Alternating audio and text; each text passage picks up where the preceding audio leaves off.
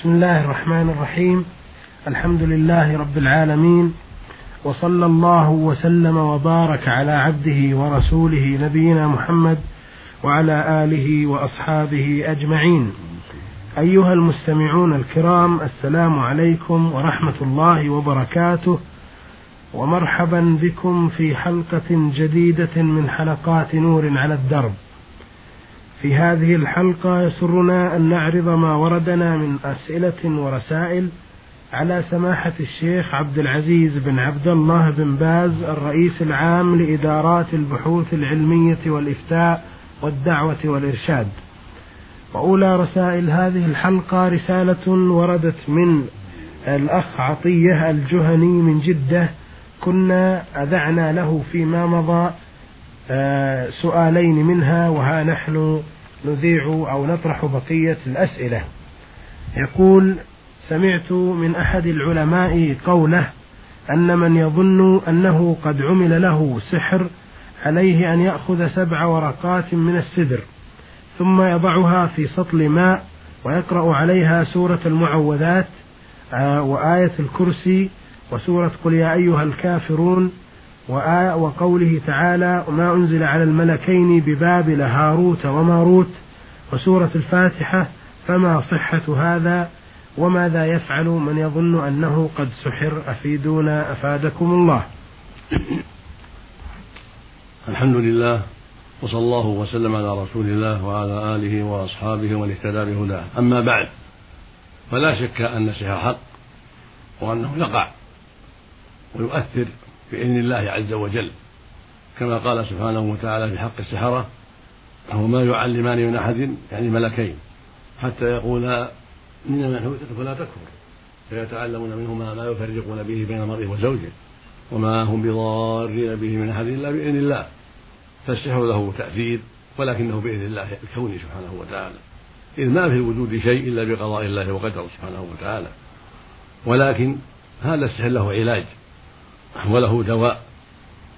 وقد وقع على النبي صلى الله عليه وسلم خلصه الله منه وأنجاه الله من شره ووجدوا ما فعله الساحر فأخذ وأتلف فأبرأ الله نبيه من ذلك عليه الصلاة والسلام.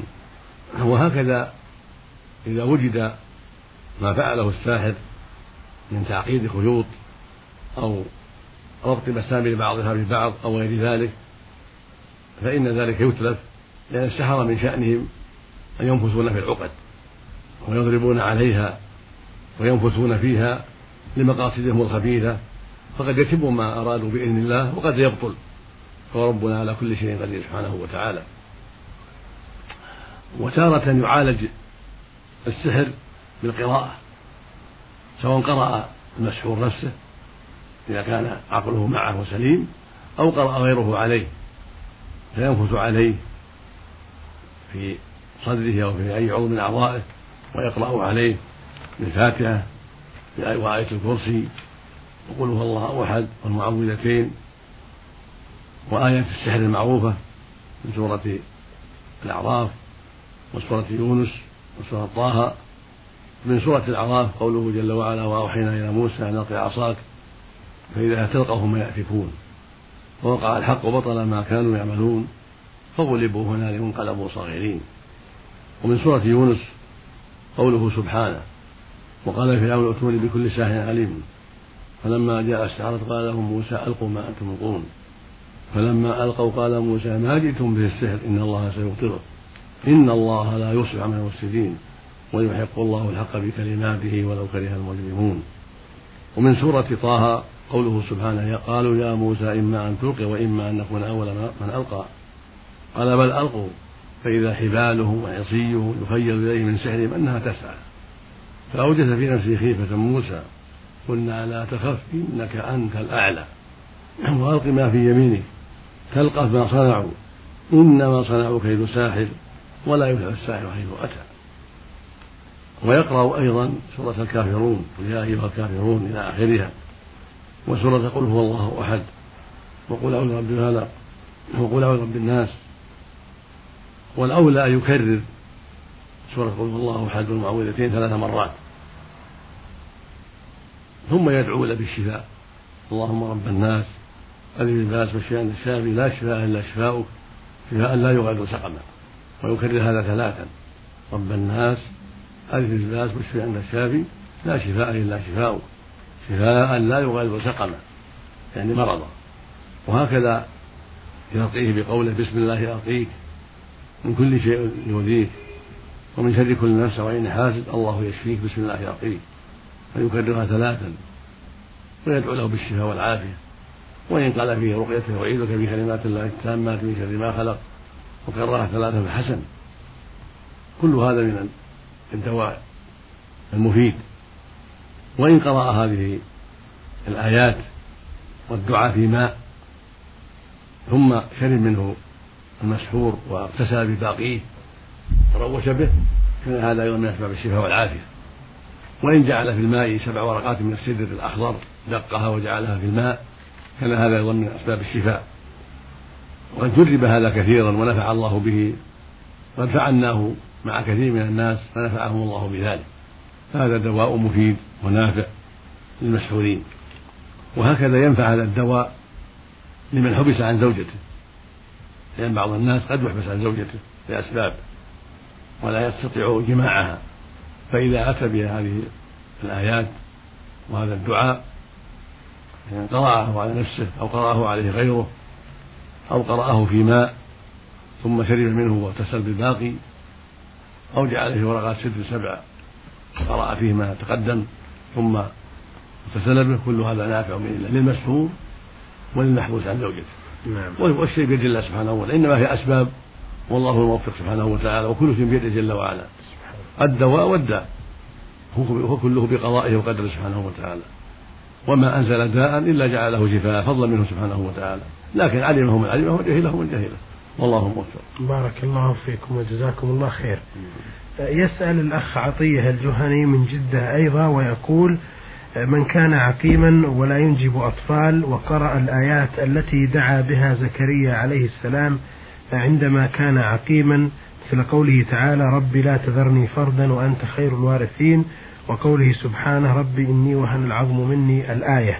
فهل هذا صحيح؟ لا أعلم لهذا. أصلا لكن إذا فعلها الإنسان لا بأس. وإن دعا بغير هذا اللهم ارزقني ذرية طيبة اللهم هب لي ذرية طيبة. أو ما أشبه من الدعوات كله طيب وإذا قال ربي لا تتغدى وأنت خير الوارثين فهذا لا بأس به. بارك الله لكن لا يقول اشتعر شيبة وهو كاذب وهو شاب بعد. نعم. لأن هذا ما ما يوافق الواقع. ولكن يقول ما يناسب الواقع. فإذا كان شيبة كبير السن صدق عليه ذلك. وأما يقول هو شاب لا. لكن يدعو ربه بما تيسر من الدعوات التي تناسب مقامه وإذا كان على سبيل قراءة الآية. لا ما ما ما, ما نعلم له أصلا. نعم ولكن المطلوب والمشروع أنه يدعو ربه يضرع إلى الله. ويسأله سبحانه وتعالى أن يهبه ذرية صالحة وأن يوفقه للذريه الطيبة واذا أيضا تسبب بسبب آخر وهو أن ينكح زوجة أخرى ولود قد عرف أنها من من بيت يلد أهله أو أنها قد جربت قد تزوجت وجاء لها أولاد. إذا تزوج, تزوج عدة نساء يطلب الأولاد لعل الله جل وعلا يجعل في بعض تلك الزوجات من يحمل. هذا من الأسباب الطيبة أيضا. نعم. بارك الله فيكم وجزاكم الله خير.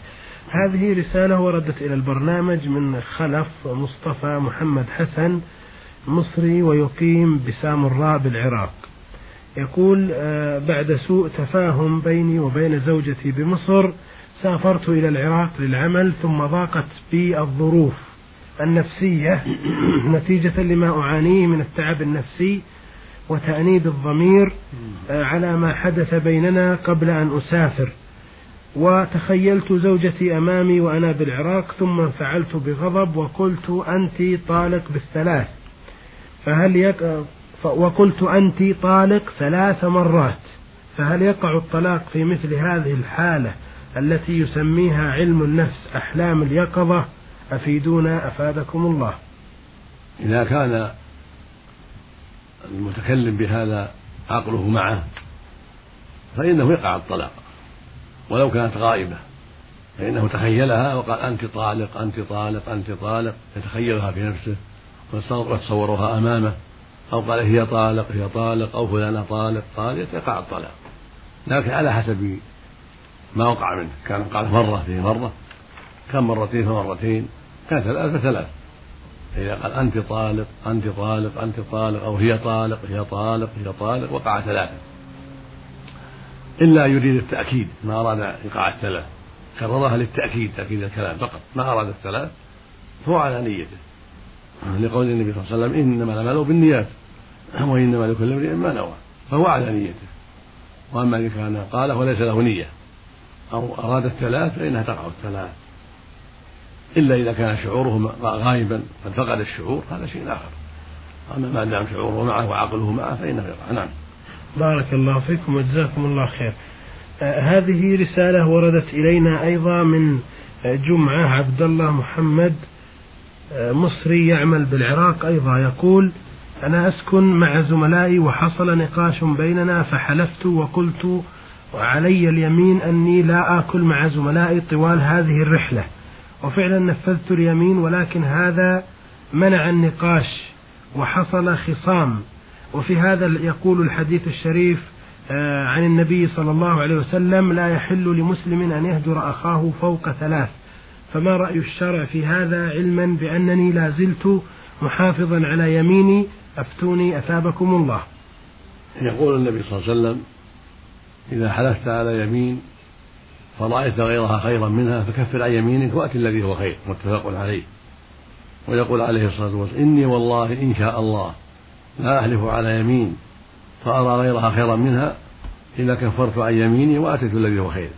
فأنت أيها الحالف إذا رأيت أن رجوعك إلى إخوانك وأكلك معهم أنسب وأصلح فكفر عن يمينك. ولا حرج عليك والكفارة هي إطعام عشرة مساكين عشرة عدد أصابعك تعطي كل واحد نصف صاع من التمر أو من الأرز أو من الحنطة من قوت البلد. وهو كيلو تقريبا. أو تكسوه كسوة على قميص قميص أو إزار ورداء. فإن عجزت صمت ثلاثة أيام كنت فقيرا لا تستطيع صمت ثلاثة أيام. والمقصود بهذا أن أنك تعمل الأصلح كان الأصلح عدم الأكل معهم لأنه فساق الخمور وهالفساد فالبعد عنهم أولى. وأمضي يمينك ولا ترجع إليهم. والتمس أصحاب الآخرين خيرا منهم. أما إن كانوا طيبين وأكلك معهم لا يضرك في دينك فلا بأس أن ترجع إليهم وتكفر عن يمينك ولا تهجرهم. أما إذا كان هجرهم حق لأنهم أهل فسق أهل فساد قد أعلنوا فسادهم من شرب المسكرات أو التظاهر بما حرم الله من الأمور الأخرى فهؤلاء يستحقون الهجر وترك صحبتهم أولى ولا حرج عليه في ذلك ولا يدخل في الحديث. لا يحل المسلم هجرة فوق ثلاث لأن الحديث إنما هو فيما يتعلق بأمور الناس فيما بينهم خصوماتهم ودنياهم. فليس لأحد يهجر أخاه من أجل الدنيا أو الخصومة التي بينه وبينه أكثر من ثلاث. بهذا الحديث الصحيح. أما إذا كانت الهجرة من أجل إعلان الفسوق والمعاصي وإظهار البدع فهؤلاء يهجرون حتى يتوبوا ولو أكثر من ثلاثة أيام ولو سنة ولو سنتين.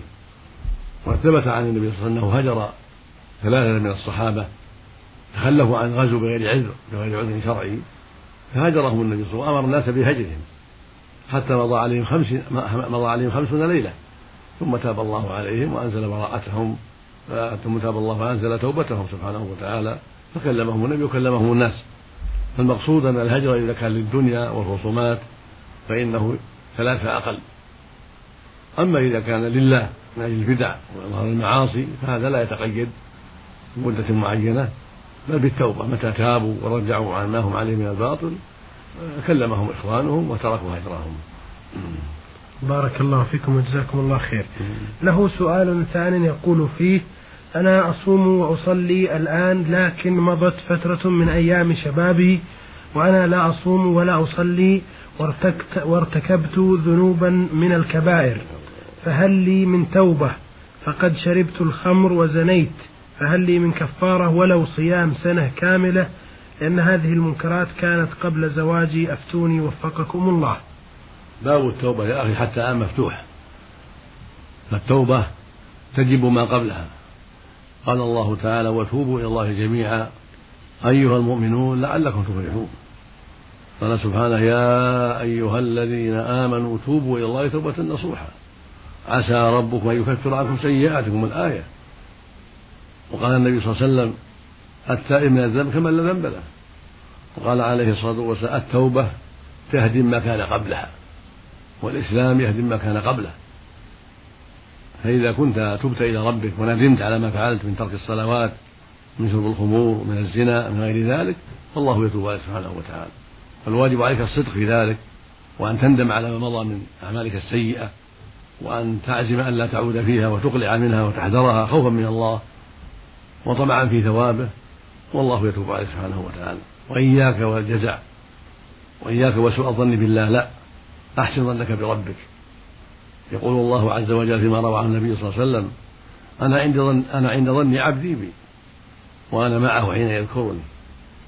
فعليك بظن بظن الخير بربك سبحانه وتعالى. فقد أخبر أنه يتوب على التائبين فعليك أن تحسن ظن ربك جل وعلا وترجوه فضله وإحسانه. وعليك الصدق في التوبة التي صدرت منك أن تندم ندما صحيحا وأن تقلع من الذنوب.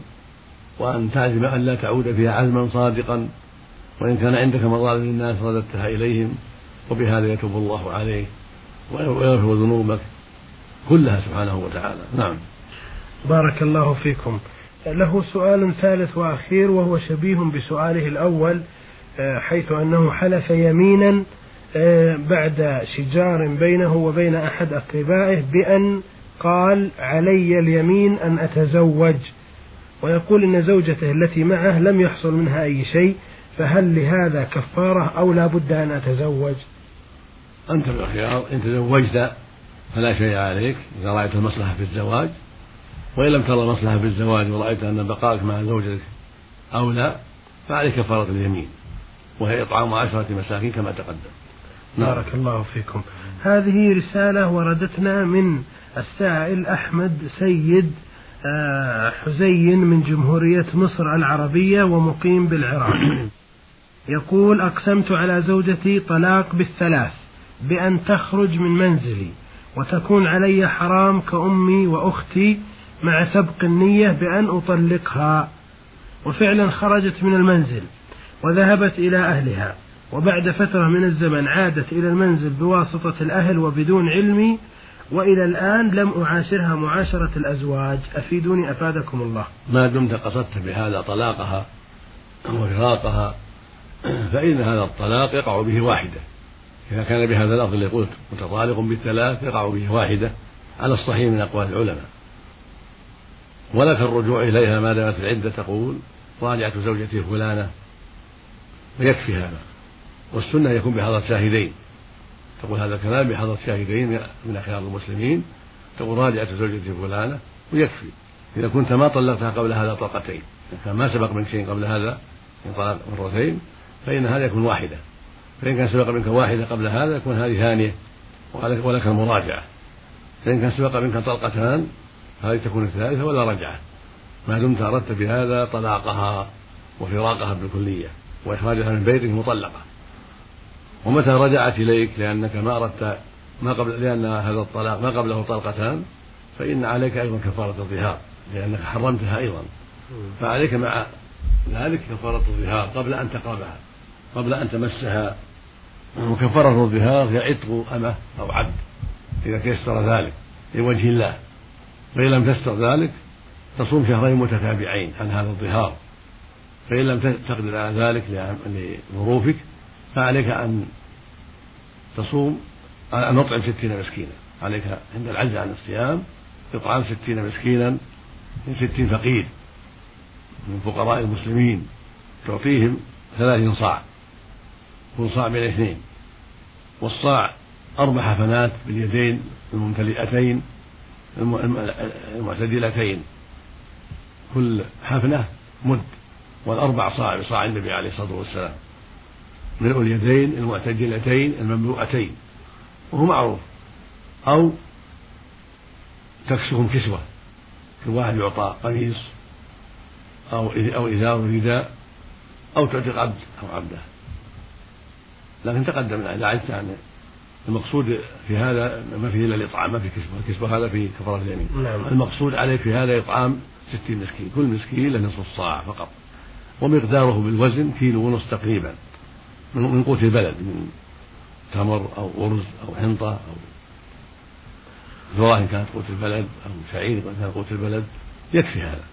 قبل أن تمسها قبل أن تقربها إذا عجزت عن الصيام وعن العتق هذا عن الظهار. أما الطلاق فعرفت أن عليك أنه يقع طلقة واحدة ولك مراجعتها في حال عدتها. فإن كانت قد خرج من العدة فلا بد من نكاح جديد شروطه معتبره شرعا. نعم. بارك الله فيكم وجزاكم الله خير. هذه رسالة وردت إلينا من السائل سليمان أبو خليل مصري الجنسية يعمل بالدمام. يقول حلفت على زوجتي وأنا في حالة غضب يمين بالطلاق بالثلاث وأن تكون محرمة علي مثل أمي وأختي إذا ذهبت إلى منزل والدها طول غيابي وحتى الآن لم تذهب. وعندما قرأت حديثا عن الرسول صلى الله عليه وسلم يقول لا يدخل الجنة قاطع رحم أود أن أرسل لها رسالة وأقول لها اذهبي إلى أهلك لكن ما الحكم في يميني؟ إذا كنت أردت بذلك منعها فقط ولم ترد فراقها إن ذهبت وإنما أردت منعها فقط كالذهاب إلى بيت والدها فهذا له حكم اليمين. وعليك كفارة اليمين إذا ذهبت ولا بأس بذلك. وإن كنت أردت إلا بإذنك ليس لها الذهاب إلا ناو بإذن إلا بإذنك ثم أذنت لها فلا شيء عليك. أما إذا كنت ما نويت إلا بإذنك وأردت طلاقها وتحريمها إن ذهبت فإنك إذا أذنت لها وذهبت يقع طلقة واحدة عليك. يقع طلقة واحدة عليها في أصح قول العلماء. وعليك كفارة الظهار. إن كنت أردت تحريمها فعليك كفارة الظهار وهي عتق رغبة. عبد أو أمة مؤمنة. فإن عجزت ولم تستطع هذا العتق فصيام شهرين متتابعين. فإن لم تستطع أطعمت ستين مسكينا ثلاثين صاعا. لكل مسكين نصف صاع. وهو كيلو ونصف تقريبا قبل أن تمسها سواء كان من رز أو من تمر أو من حنطة يعني من قوت البلد. هذا هو الواجب عليك قبل أن تمسها. ويقع عليها طلقة واحدة. إذا كنت أردت إيقاع الطلاق عليها وتحريمها. وإن كنت ما أردت الطلاق وإنما أردت المنع منعها من الذهاب فقط. فإنك عليك كفارة يمين إذا ذهبت إلى والدها. إلا أن تكون أردت في قلبك إلا بإذنه ناويا إلا بإذنه. فإنك إذا أذنت لها فلا شيء عليك الله أعلم. فينبغي لك أن تحذر هذا. هذا ما يجوز. ليس للمسلم أن يحرم أهله وليس أن يطلق بالثلاث. الطلاق الشهري واحدة يطلق واحدة فقط. ثم إذا طلبت نفسه طلق الثانية وهكذا. أما كن يجمع الطلاق الثاني لا يجوز. كما أنه لا يجوز له أن يحرم زوجته. بل هو منكر من القول والزور كما بينه الله في كتابه العظيم. فالواجب على المسلم أن يتقي الله وأن يحذر ما حرمه الله عليه. ومما حرمه الله عليه الطلاق بالثلاث والتحريم لزوجته والظهار منها كل هذا منكر. الواجب على كل زوج أن يتقي الله وأن يتحرى الطلاق الشرعي فيطلقها طلقة واحدة أراد إذا عزم على الطلاق يطلق واحدة فقط. حال كونها طاهرا لم يجامعها وليست في حيض ولا في نفاس. هذا هو المشروع يطلقها في حال طهرها وعدم الوقوع بها يعني عدم جماعها أو في حال حملها كون حامل. هذا هو الطلاق الشرعي ويكون طلاق واحدة لا بالثلاث وأما التحريم فلا يجوز ليس له يحرمها يكون حرام عليه أو هي عليه مثل أمي أو أختي كل هذا لا يجوز. بل هذا مما أنكره الله على عباده. وأرشدهم إلى تركه سبحانه وتعالى. نسأل الله للجميع الهداية. نعم. بارك الله فيكم. هذه رسالة وردتنا من مساعد بن مرزوق السناني من ينبع. له فيها عدة أسئلة لكن نعرض بعضها حسب وقت البرنامج.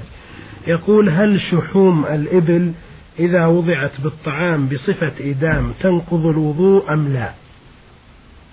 الصحيح من أقوال العلماء أنها لا تنقض لأنها لا تسمى لحم. الشحم ليس بلحم. والنبي صلى الله عليه وسلم قال تمضأوا من لحوم الإبل والشحم عند العلماء ليس بلحم وإنما اللحم الهبر المعروف ولكن إذا توضأ من ذلك احتياطا فحسن وإلا فلا يلزم. نعم. بارك الله فيكم وجزاكم الله خير. بهذا أيها الإخوة المستمعون نأتي إلى ختام هذه الحلقة والتي عرضنا فيها رسائل الإخوة عطية الجهني من جدة وخلف مصطفى محمد حسن مصري مقيم بالعراق. وجمعة عبد الله محمد مصري يعمل بالعراق وأحمد سيد حزين من مصر مقيم بالعراق أيضا ورسالة سليمان أبو خليل مصري مقيم بالدمام وأخيرا رسالة مساعد بن مرزوق السناني من ينبع. نشكر سماحة الشيخ عبد العزيز بن عبد الله بن باز على إجاباته ونشكر لكم حسن متابعتكم ونود أن ننبه إلى ضرورة كتابة تاريخ التاريخ إرسال الرسالة حتى نتمكن من ضبط مواعيد إذاعتها وعرضها على أصحاب الفضيلة. مع العلم أنه يرد إلى البرنامج أعداد هائلة من الرسائل مما يضطرنا إلى تأخير إذاعتها حتى لا يظن بعض الإخوة المستمعون المستمعين أننا نهمل شيئا من الرسائل. لكم تحية من الزميل منصور الصنعاوي من الهندسة الإذاعية وإلى أن ألقاكم على خير إن شاء الله أستودعكم الله والسلام عليكم ورحمة الله وبركاته.